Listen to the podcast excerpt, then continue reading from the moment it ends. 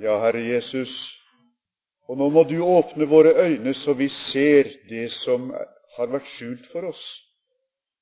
Du må røre ved vår vilje, så vi vil det som vi før skjøv fra oss. Og du må gi oss din hellige ånd, så vi vandrer på dine veier.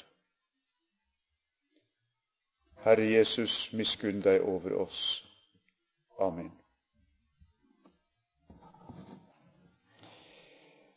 Først vil jeg få takke for eh, innbydelsen til å komme hit.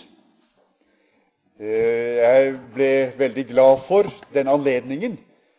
Eh, og jeg må jo si at å komme hit har, har vært Bare disse få timene har vært en, en stor opplevelse for en stakkar som lever mellom leirbakkene der sør ved Trondheimsfjorden. Vi kom flyvende inn i solskinn ganske lavt innflyvningsruta, like over snøkledde tinner. Og det var et syn som, som, som helt tok pusten fra meg. Tenk at Guds verden er slik, og at vi får oppleve det. Ja, det er en velsignelse. Det er en gave. Og så er er det jo sånn, da det, jeg må jo si Man glemmer det nesten fra gang til gang. Eller det er noe i fall som blir borte for en. Men når en kommer og opplever de, lyset Jeg syns det er så fantastisk, lyset, også på denne tida. Og så få møte dere. Det setter jeg også veldig stor pris på. Ehm, I FBB så er det litt forskjellig med lokallagene våre. Noen eh, har mest liv på papiret, og andre er eh, sprell levende. Og lokallaget i eh, Nord-Hålogaland, det er et sprell levende lokallag. Det setter vår forening sånn i de sentrale gemakker veldig pris på. Og nå får jeg være sammen med dere, og det er jeg ordentlig glad for. Hovedoverskriften for helgen har han Gunnar nevnt allerede et hellig liv. Og det er noe betimelig. At vi snakker sammen om hva det egentlig er, og hvordan vi skal leve et hellig liv. Vi som lever i det tredje årtusen. Med alle de mulighetene og med alle de utfordringene og med det spesielle kallet som Gud gir oss i det tredje årtusen. For jeg tenker det slik at nettopp den tiden som vi opplever, med sine spesielle trekk, er Guds kall til oss. Og Da må vi hjelpe hverandre til å se i Guds ord hvordan Han vil utruste oss for å følge kallet og leve det i vår tid. Det kristne livet i hverdagen er det tema som ble oppgitt for denne bibeltimen. Først så, så det noe greit ut. Ja, ja, det er noe greit, tenker jeg, tenkte jeg. Men så ble det ganske vanskelig, for du verden så mye stoff som så, så mye som presser seg på. Det er jo nesten alt. Fascinerende, men det, det, det har vært litt vanskelig for meg å sortere, og, og jeg, jeg, jeg, tror nok at noe av sorteringsarbeidet må jeg gjøre ettersom jeg ser klokka går også. Men jeg ble veldig fascinert av dette, av dette emnet. Det kristne livet i hverdagen. Jeg vil begynne å snakke, si litt om den, den kristne som et hellig menneske. Vi er de hellige. Kjære venner, vi er de hellige. Efeserne 1.1 f.eks. Paulus etter Guds vilje, Kristi Jesu apostel, hilser de hellige prikk, prikk, prikk, de troende i Kristus. Og så er det en sånn utfyllingsrubrikk der hvor vi har i Efesos, men vi, vi eh, har all grunn til å tro at dette er et rundbrev som har gått til de hellige i de lille asiatiske byene eh, som apostelen hadde besøkt og grunnlagt menigheter i. Der levde de hellige. de alminnelige kristne, som var kalt ut av verden ved evangeliet og helliget i Jesus Kristus, sånn som han Gunnar minte oss på til å begynne med nå i det skriftsitatet der. Vi er de hellige. Hvorfor det? Jo, fordi vi er tatt inn i fellesskapet med den hellige. For å få den rette bakgrunnen for å snakke om vår hellighet må vi hente fram igjen bildet av den hellige Gud. Og Når jeg skal hente fram det bildet i tanken, så kommer ganske straks til meg den, det, det synet som Jesaja hadde i tempelet i det kong, over kong Usias døde.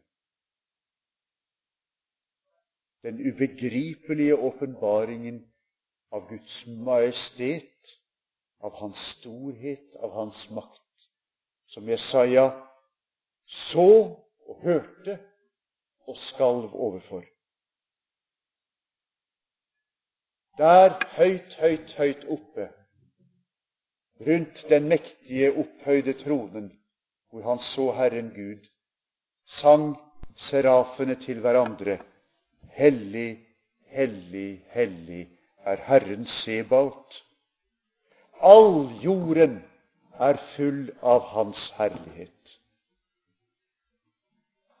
Og Dette synet var så overveldende at det slo pusten ut av Jesaja, sønn av Amos. Men han mistet ikke pusten. Det var noe annet som skjedde.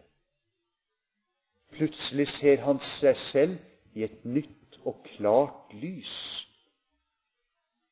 Her, i Guds nærhet, passer han ikke inn, for han er et menneske som alle andre. Han har urene lepper som alle andre. Og urenhet og hellighet går ikke sammen. Menneske og Gud går ikke sammen. Og derfor utbryter han ved meg.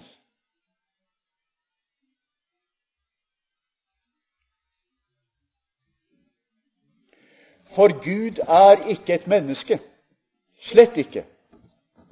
Gud er helt annerledes. Gud er høyt opphøyd.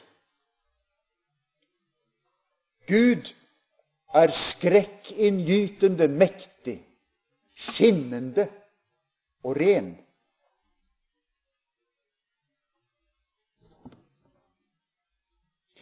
Den hellige Gud reiser seg i brennende vrede mot den makten på jorden som ødelegger hans elskede menneskers liv, mot synden. Men vi skal ikke forveksle helligheten og vreden. Bytte dem om. Sause dem sammen. At Gud er hellig, betyr at han er annerledes, opphøyd over alt menneskelig, over alt han har skapt. Hans hellighet følges av vrede mot synden. Men Guds hellighet har også en annen følgesvenn.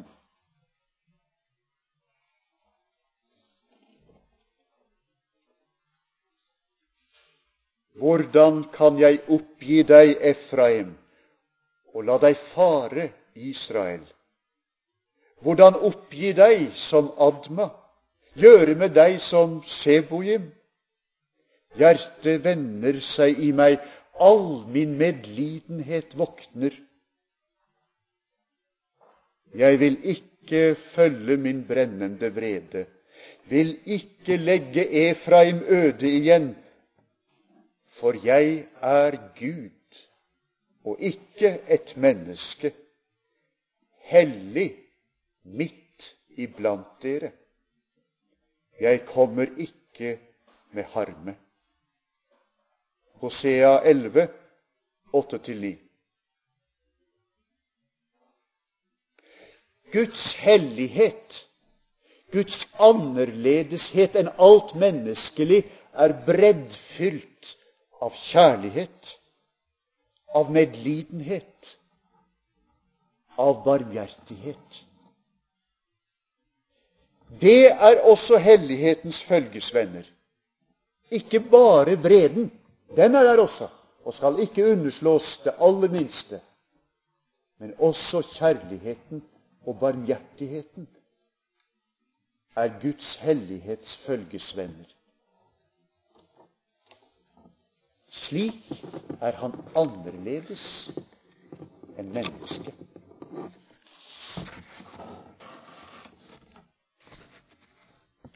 Vi kristne er de hellige. Og vi skal altså leve hellige hverdagsliv. Så altså Fordi vi er de hellige, så er vårt hverdagsliv det hellige livet. Det kristne livet i hverdagen er et hellig hverdagsliv. Vi skal snakke mer om det i morgen, men nå, jeg vil nå si bare ganske kort at, at det er en slags orden, eller kall det struktur om du liker fremmedord, en slags orden i måten som Det nye testamentet behandler vår hellighet på. Først forteller den at vi er helliget i Jesus Kristus, sånn som vi hørte, også lest til innledning. Vi eier Kristi hellighet. Han er blitt vår helliggjørelse. Det er vår status, vår stand og stilling som frelste mennesker. Og så sier Skriften nå skal du bli det du er. Du skal gjøre det som er din nye natur. Du skal leve ut det som Gud nå har satt deg inn i og gjort deg til. Bli det du er. Og slik forstår vi, også, forstår vi det når eh, Paulus skriver i Efeserbrevet 5.3.: Hor all slags urenhet og grådighet må det ikke engang være tale om hos dere. Slikt sømmer seg ikke for hellige. Dere er hellige, og da får dere legge til side det som ikke stemmer med helligheten deres.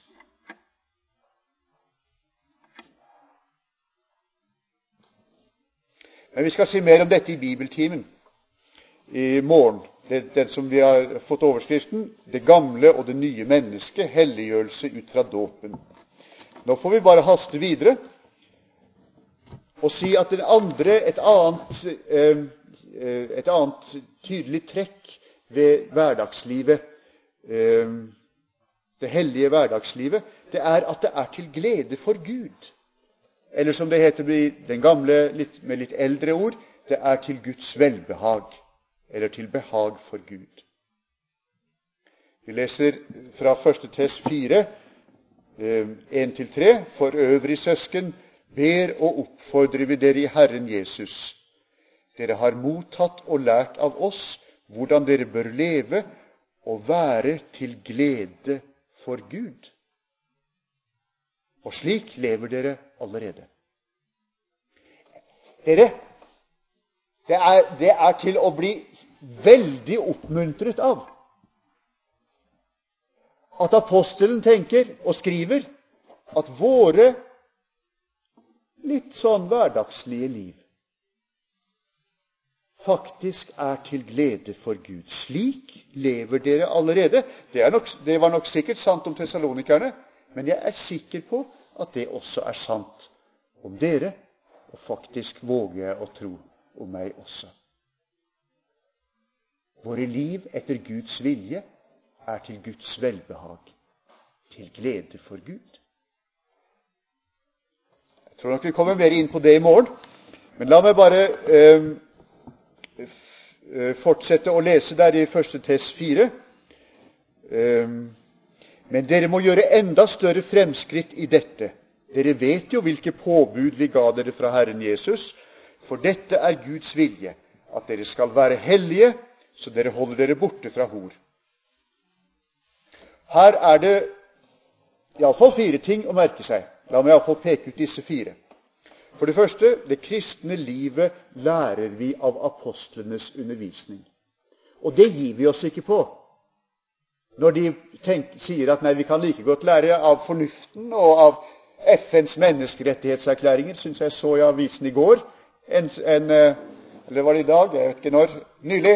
En, eh, en, eh, dame som mente hun hadde rede på det, uttalte like godt det. Da svarer vi nei. Apostelen har lært oss og vi holder fast ved at det kristne livet lærer vi av apostlenes undervisning. Og for det andre påbudene apostlene gir, kommer fra Herren Jesus. Nei, det er bare Paulus, det. Han gamle kvinnehateren. Har vi hørt mange ganger.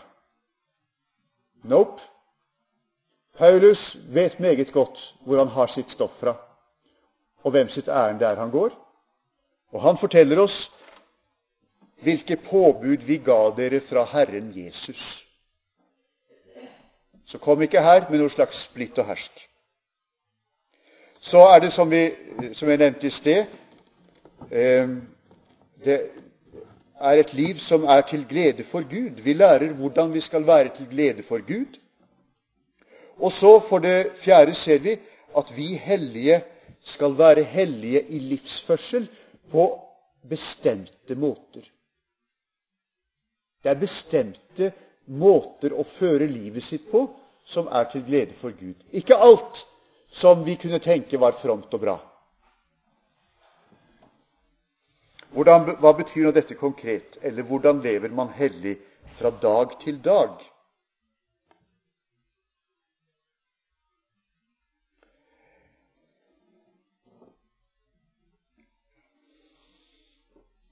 Når vi spør etter det kristne livet i hverdagen, blir vi hva skal jeg si, vist til ting som, som er typisk for mange forskjellige livssituasjoner og handlinger. Vi får altså noen sånne hva skal jeg kalle det, generelle mønstre som ikke er så veldig eh, spesifisert på ting for ting, men som gir oss en slags overskrift, eh, et mønster, til å, til å bruke på nye livssituasjoner. Det er det ene. Og det andre det er at vi blir vist til noen spesielle handlinger som skal forekomme, eller som ikke skal forekomme. Begge deler hører med i den apostoliske undervisning. Jeg skal prøve å vise det nærmere. Vi så det forresten allerede i det eh, avsnittet vi nettopp siterte. Ehm, en spesiell handling som er forbudt, så dere holder dere borte fra hor. Det er rimelig klart spesifisert hva vi skal skyve ut av vårt repertoar. Mens mønsteret er bredere i 1. Tess 4,7. For Gud kalte oss ikke til urenhet, men til et hellig liv.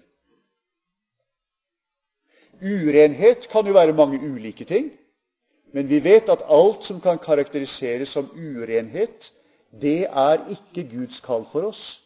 Det skal vi legge til side. Derimot skal vi leve alt det som kan samles i et hellig liv, og som vi prøver å si noe om i dag. Så altså både spesielle handlinger og større mønstre er en del av det vi blir undervist om det, om det hellige livet eller hverdagslivet som kristen. Og så vil jeg føye til Verken de konkrete handlingene eller de store mønstrene kan vi se på som valgfritt pensum. Det er visst sånn eh, i mange studier nå, hører jeg, at du kan eh, Iallfall når du kommer litt opp i, i, i, studiet, så kan du velge pensum. Iallfall en tredel eller halvparten kan du velge. Valgfritt pensum. Du gjør som du vil. Her er det, dette er iallfall ikke valgfritt pensum. Den som avviser dette, avviser derfor ikke et menneske. Han avviser Gud, som gir dere sin hellige ånd, skriver apostelen i vers 8.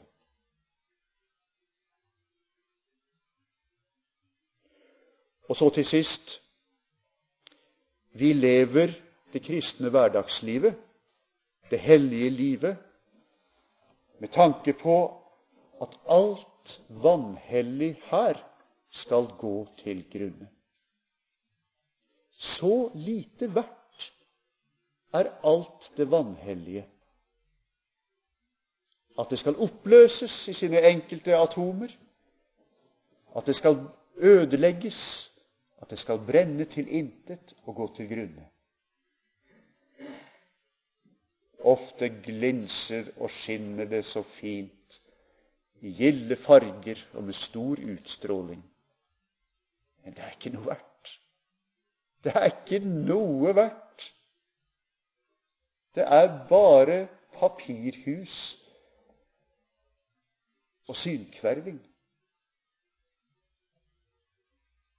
Det er det hellige livet som har substans, som har skaperens innhold, og som bærer frukt både for tid og evighet. Man burde ikke bruke sånne uttrykk som jeg holder på å bruke nå. Så ta dette her som litt metaforisk. Jeg føler på sett og vis at jeg har falt for en slags fristelse.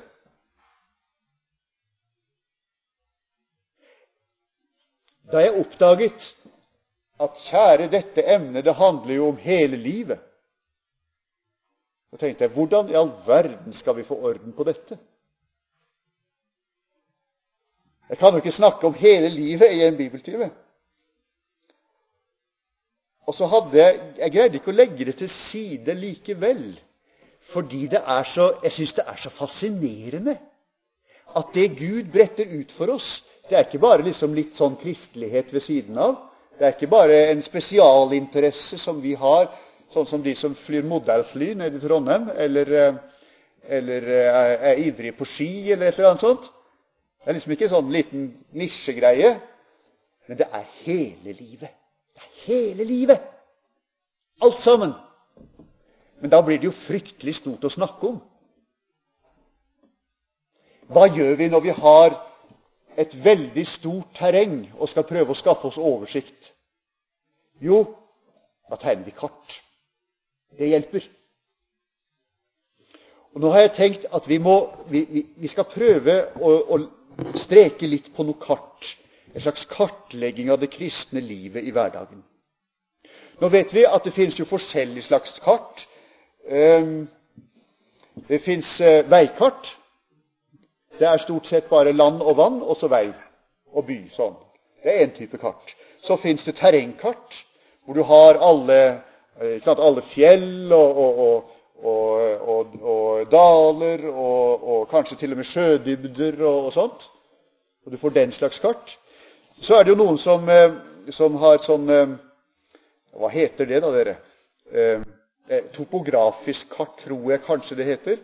Hvor det er altså alle bjørkeskogen her og, og furuskogen i Karasjok der, ikke sant? Og, og, og Snauvidda der og, og gressbakkene og sånt.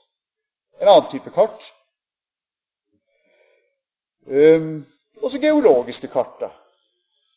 Det er jo veldig interessant. Når, uh, jeg, jeg, jeg, jobber jo i Sandmisjonen, og jeg har liksom litt kontakt med hva som foregår um, i mange samiske strøk. Og, og, nå er jo dette her med geologiske kart og Finnmarksvidda og gull og alt det der, det er jo liksom tingen. Um, det kristne livet kan også kartlegges på forskjellige måter ut ifra forskjellige kriterier. Eh, kanskje er det sånn at vi, vi skulle tenke oss at, at, det vi gir oss i kast med nå, det er å tegne kart på sånne gjennomsiktige ark. Og så legge dem oppå hverandre. Og så se hvordan det blir når du, når du har fjord og fjell og, og, og, og vann. Og så legger du oppå det et annet kart som viser deg vegetasjonen, vegetasjon. Og så legger du oppå det et annet kart som viser deg eh, landegrensene, politiske forhold. Og Så ser du gjennom alt sammen, og da får du et, et sammensatt og, og, veldig informativt mønster. Men det er litt greit å tenke, tegne ett og ett kart om gangen. For liksom å, å, å skaffe seg oversikt over de forskjellige tingene. Jeg hadde kanskje tenkt det var noen sånne bibelskoleelever herfra altså noen, Unnskyld. Ikke noen godt voksne, uh, gråhårede bibelskoleelever, men noen av de de yngre alderskategorier.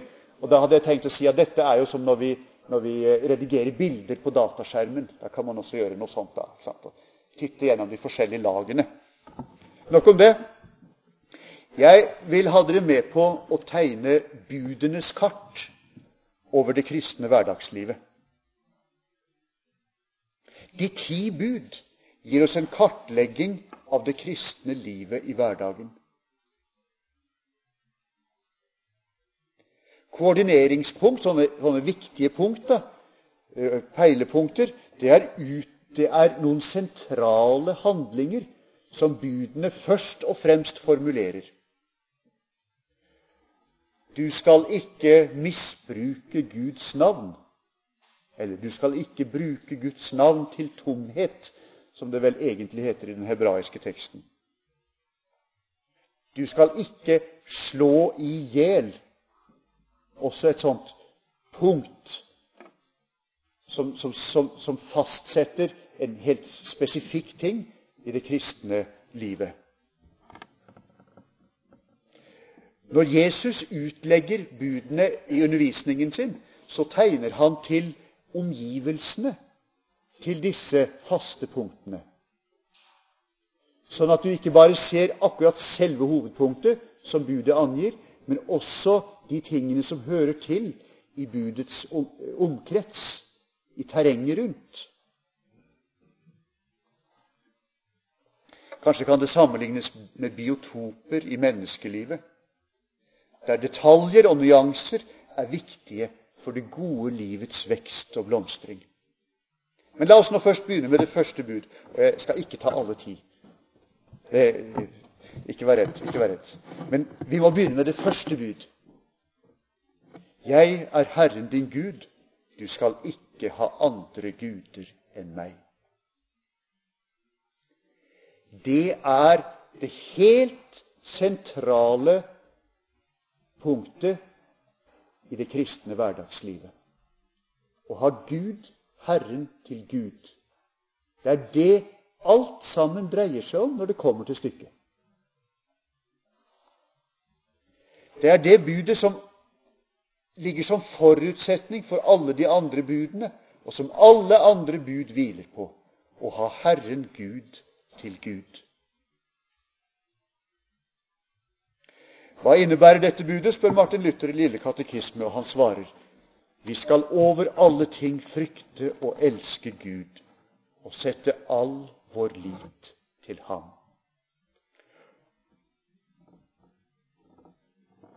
Og slik tegner Luther ut alle grunndata i kartet over kristenlivet. Og for et kart! Kristenlivet kan ikke leves uten å holde dette budet. Og intet menneske kan holde det. Det er umulig for meg, fortapte synder, å ha Gud til Gud i mitt liv. Skal jeg leve et kristenliv i hverdagen, må jeg få Jesu Kristi liv som mitt.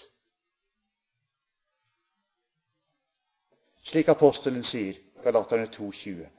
Jeg lever ikke lenger selv, men Kristus lever i meg.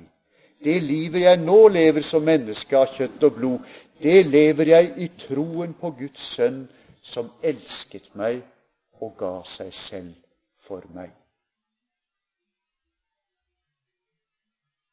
Her har du peilepunktet for alle andre punkt i hverdagslivets kart. Slik er det å ha Gud til Gud. Dette er et område, kjære venner, som dekker hele livet. Ikke bare flystrekningen fra Trondheim til Tromsø og de fantastiske eh, tinnene og lyset. Ikke bare fellesskapet mellom oss troende, men hele livet. Alt.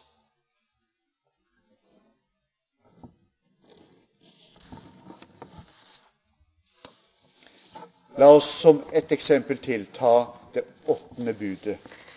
Du skal ikke slå i hjel. Annen Mosebok 20 Å, det glapp vers for meg. Dette er det sentrale punktet i det, i det området på kartet som vi kunne kalle du og din nestes liv. Du skal ikke slå i hjel. Ja, unnskyld meg. Noe, der gikk det gærent for meg. Takk og takk. Ja, vi se. Sånn er det når man ikke leser manuset sitt ordentlig.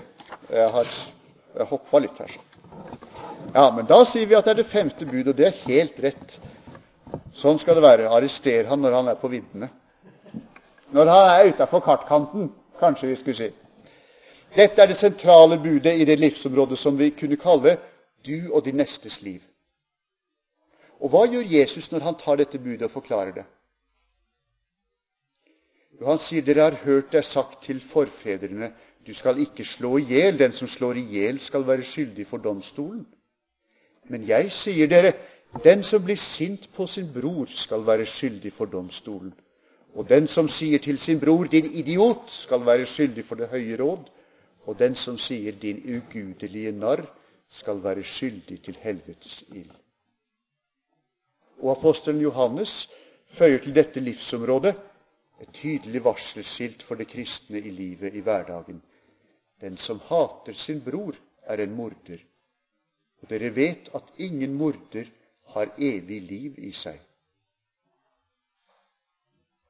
Slik kartlegges altså området rundt dette budet, som har drapet som sentralpunkt. Og rundt dette ligger hatet, den grove utskjellingen, for, den, den åndelige fordømmelsen. Det er samme greia, sier Jesus. Det hører til i samme område. Og slik skal dere leve hellighetens liv. At dere er lydige ikke bare mot sentralbudet, men også imot alle de tingene som hører til i omgivelsene.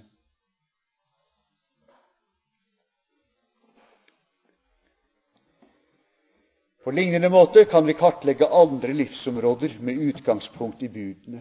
Familielivet, seksuallivet eller våre materielle goder, bare for å nevne noen felt.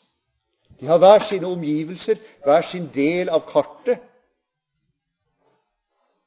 vi skal slå ned, og vi skal holde fast på sentralpunktet. Og vi skal leve alt det som også ligger rundt i hele bredden av menneskets liv. Sånn sett er det da at vi kan tegne en sammenheng mellom kjørestil på veien og budet om nestens liv.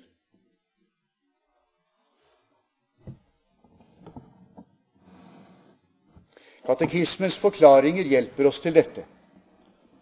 Og Jeg kunne tenkt meg, jeg så, satt og så litt på katekismens forklaringer, og jeg tenkte det kunne vært artig en gang å hatt en bibeltimeserie som gikk gjennom budene og forklaringene og bibelstoffet som hører til, som en del av, av gjennomtenkningen av det kristne hverdagslivet.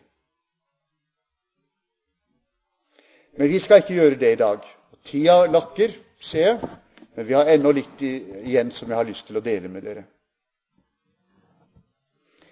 Det er en side ved det kristne hverdagslivet som, som eh, katekismen også underviser oss om når vi er der hos dem. Og det er hvordan vi skal be i hverdagen.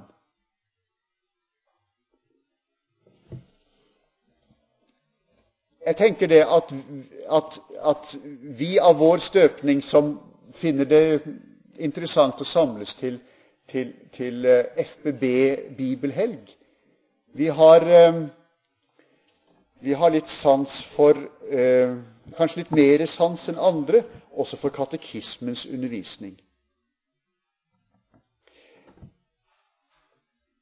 Er det lenge siden dere har sett på hvordan, hvordan Martin Luther frems, formaner eh, husfaren til å be eh, med, med, sitt husfolk? Hvordan han både bruker morgenbønnen og kveldsbønnen som en samling for husholdet. Og det var jo ikke bare kjernefamilien. Som vi vet, den gangen var det jo eh, det var jo den hele lille bedriften, gjerne. Eh, med, med, med, med foreldre og barn og, og, besteforeldre og tjenere og slåttekarer og, og you name it, alle sammen. Morgenbønn etter en fast ordning, hvor Fader våre alltid er med, og korsets tegn og kveldsbønnen det var ikke snakk om liksom å ta det litt sånn på skross. Her var det orden i sysakene. Og så maten, eh, eh, bønnen før og etter maten, måltidet. Også der Fader våre. Jeg tror vi har noe å lære av Martin Luther. Jeg oppdaget i min forskrekkelse at, at i yngre generasjoner så er det kanskje til og med litt slurv å be bordbønn i det hele tatt. Tenk du, her lever vi altså på Guds grønne jord. Med tykk strek under Guds grønne jord. Og han gir oss mat hver dag. Skulle ikke vi være renne over av takknemlighet for alt dette fantastisk gode han gir oss, med næring, og med opplevelser og med denne gode følelsen av å være mett etterpå. Og så takke og prise vår Skaper fordi Han gir oss alt dette. Skulle ikke vi bekjenne at dette er ikke Landbruksdepartementets eller bondestandens fortjeneste, men det er Guds. At vi har livet først, og så maten og så håpet. Tenk så flott, du, å ha sånne punkter i dagen hvor sinnet ditt vender seg til Gud for noe konkret, noe til å ta i. Og så gir du ham ære.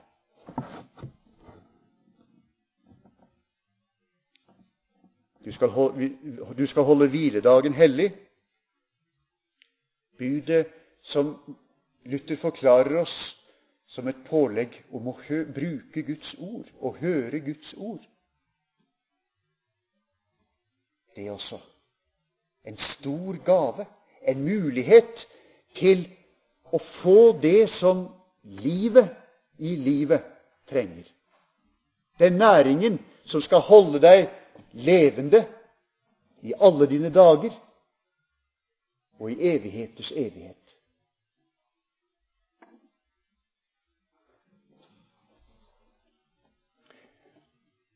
Vi må skynde oss videre. La meg først, eh, Før jeg slipper dette, så vil jeg ta fram den illustrasjonen som jeg syns er, er, så veldig Det gir sånn god oversikt over hvordan, hvordan vi skal leve eh, det som vi kaller det åndelige livet. da, Bønnens og ordets liv. Illustrasjonen er som et gjerde. Nå så jeg ikke etter hvordan det var her med gjerde. Men altså et, et stakitt. stakitt. Det er de skikkelige gjerdestolpene som er satt ned bortigjennom. Søndag, søndag, søndag, søndag. Og mellom der så går det da to eh, tverrliggere. Det er morgenbønnen og aftenbønnen. Og så har du spikra på dem disse her mer og mindre vakre. Men helst skal de være vakre. Eh, hva heter det for noe igjen? Nå datt ordet ut for meg. Eh, sånne småplanker, altså. Sprosser. Takk. Sprosser. Og det er alle de bønnene du kan be av indre tilskyndelse og ting som hender i løpet av dagen, og, og, og, og nye bønnemuligheter som Gud gir deg. Da har du mønsteret. Vi går videre. Det kristne hverdagslivets livsområde. Vi har et annet kart her nå enn det vi hadde i sted. Vi legger et nytt sånn der blankt lag oppå og tar tusjen og tegner noen nye streker som hører til på det samme brede bildet av hele vårt kristne liv på hele Guds vide jord. Nå henter vi fram det, det tillegget i katekismen som heter hustavlene. Hustavlene det var, det var, det var datidens eh, medieframstøt. Der, der, laget de til eh, disse her trykkerne som, som, tok del i reformasjonen, store plakater. Og så, skrev de, eh, og så trykket de denne teksten på med hustavlene øverst, og så kom teksten nedover. Og det kunne du henge opp på veggen hjemme. Og det var fryktelig moderne. Minst like moderne som en PC er i dag. I hustavlene står det under hovedoverskriften noen skriftord for alle slags hellige stender og stillinger. Her skal hver og en ha sitt eget skriftord som formaner dem i deres egen livsstilling og tjeneste.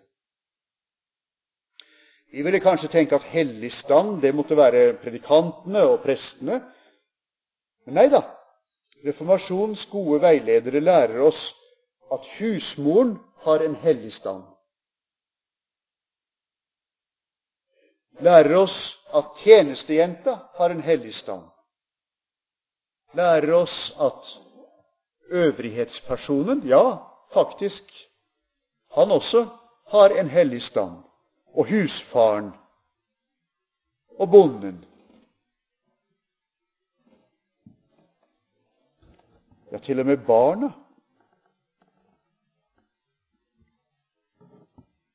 til husfedre og husmødre skriver uh, Luther slik Nei, han, han siterer Efeserne 6,9 på denne måten. Dere herrer skal behandle dem på samme måten. Bruk ikke trusler. Dere vet at både de og dere har samme Herre i himmelen, og han gjør ikke forskjell på folk.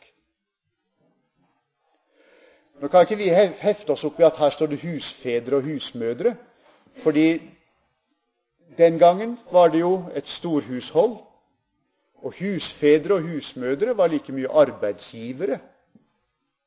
Vi må si at ja, sånn var det, var, var det riktig å bruke den da. Nå må vi ta det til oss som arbeidsgivere. Jeg skulle forundre meg om ikke noen av dere var arbeidsgivere. Noen av oss er iallfall arbeidstakere og kan høre på den andre formaningen.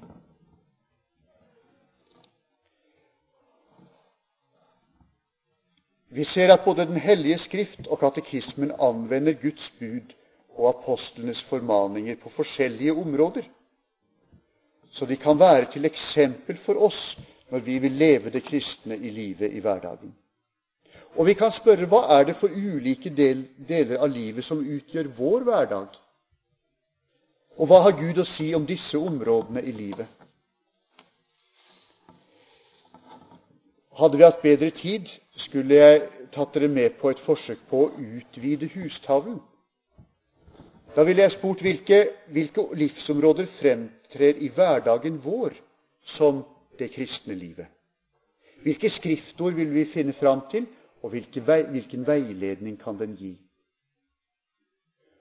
Hvis jeg skulle gjøre det, så ville jeg begynne med tiden.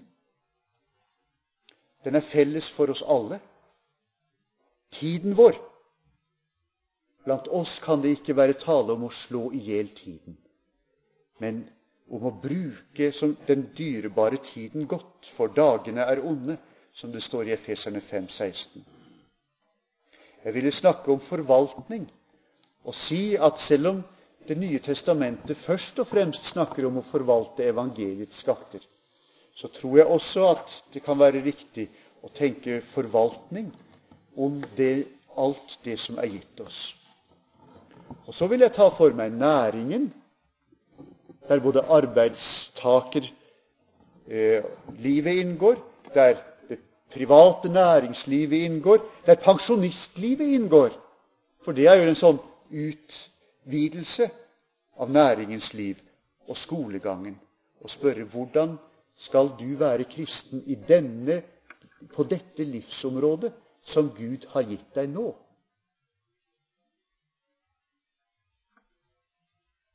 Både pensjonisten og studenten har store åpninger som Gud legger åpne for deg til å leve hellig nettopp i din stand og stilling.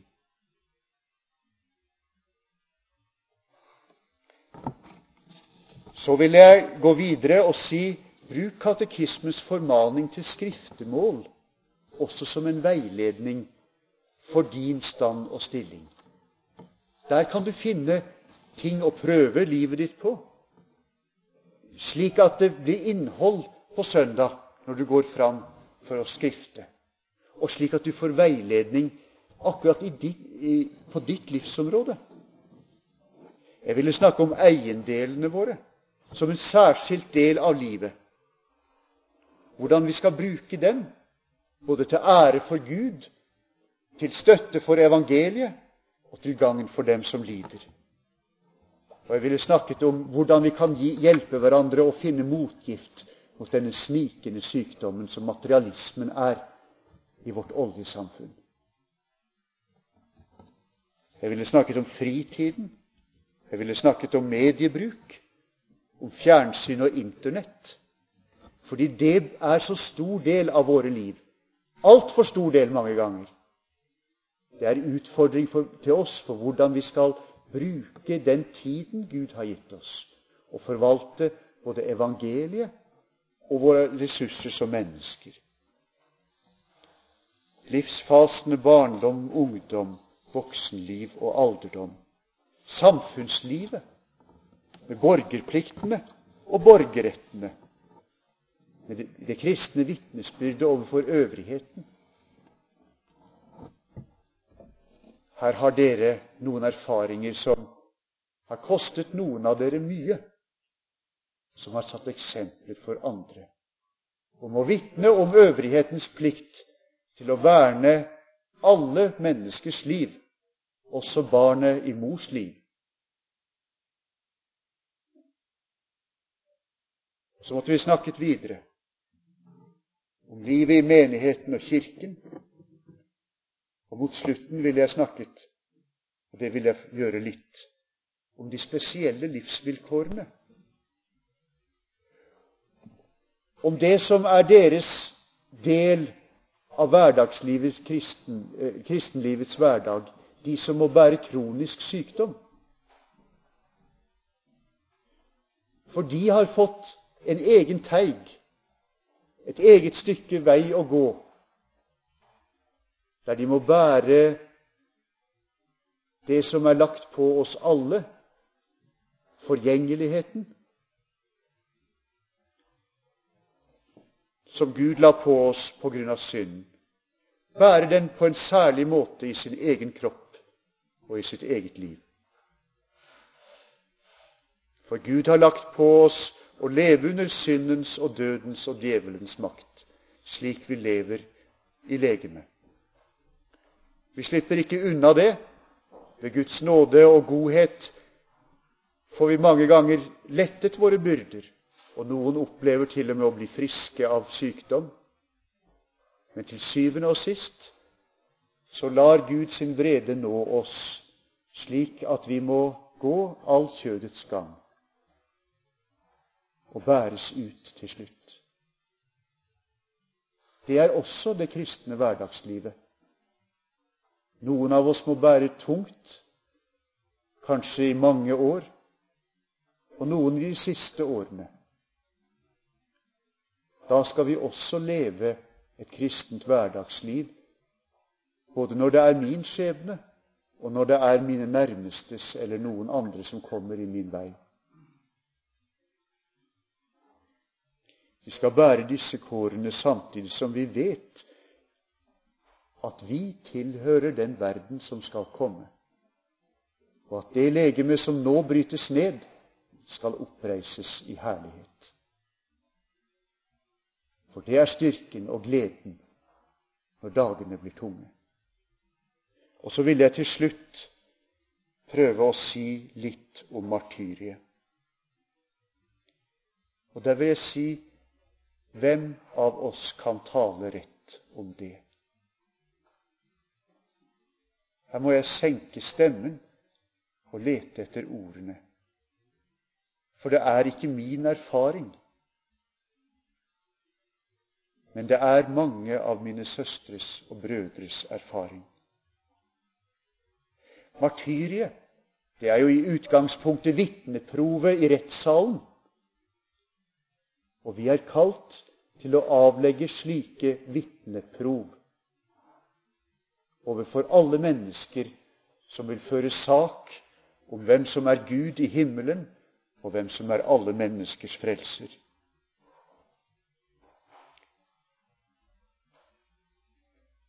Det er vitneprov som mange ganger koster dyrt.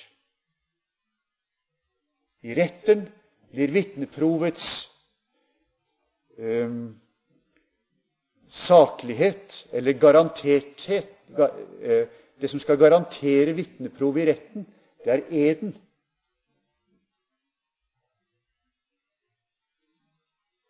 Det som garanterer Herren Jesu disiplers vitneprov, er til syvende og sist blodet. Og Derfor har martyriet kommet til å bety det å gi sitt liv for vitnesbyrdet om Herren Jesus. Det er vitneprovets ekthetsgaranti. Jeg går i første klasse i denne sak, er blant dem som kan minst. Men jeg merker meg Jeg merker meg som en, som en utfordring at de som har gått foran, disipler og apostler, de var glade fordi de ble funnet verdige til å lide for Jesu navns skyld.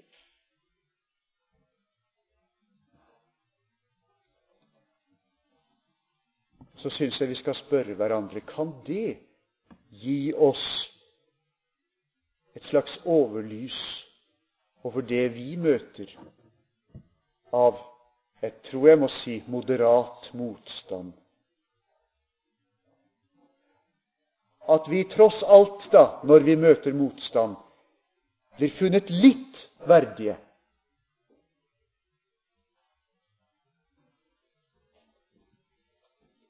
og at det kanskje ligger noe foran oss hvor vi kan finnes enda mer verdige.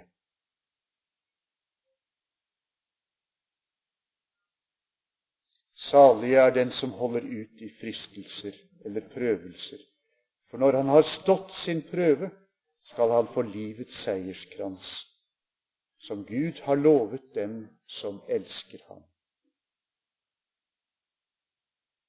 Og om det blir sagt om oss. Ja, ved Guds nåde og Den hellige ånds veiledning skal det bli sagt om oss. For da får vi gå inn til vår Herres glede.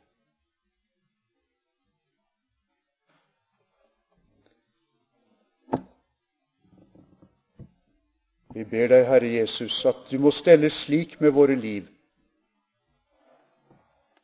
at vi holder ut i alle slags fristelser og prøvelser.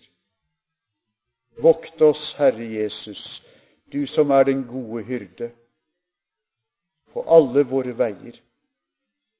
Send oss din ånd, Herre Jesus, så vi kan leve det disippellivet som du har tegnet ut for oss. Åpne våre øyne så vi ser at hele livet er vårt og ditt, og at du kaller oss alle steder til å følge deg. Og gi oss din ånd, så vi ikke taper motet i vår tid, men er frimodige og vitner om deg med glede. Amen.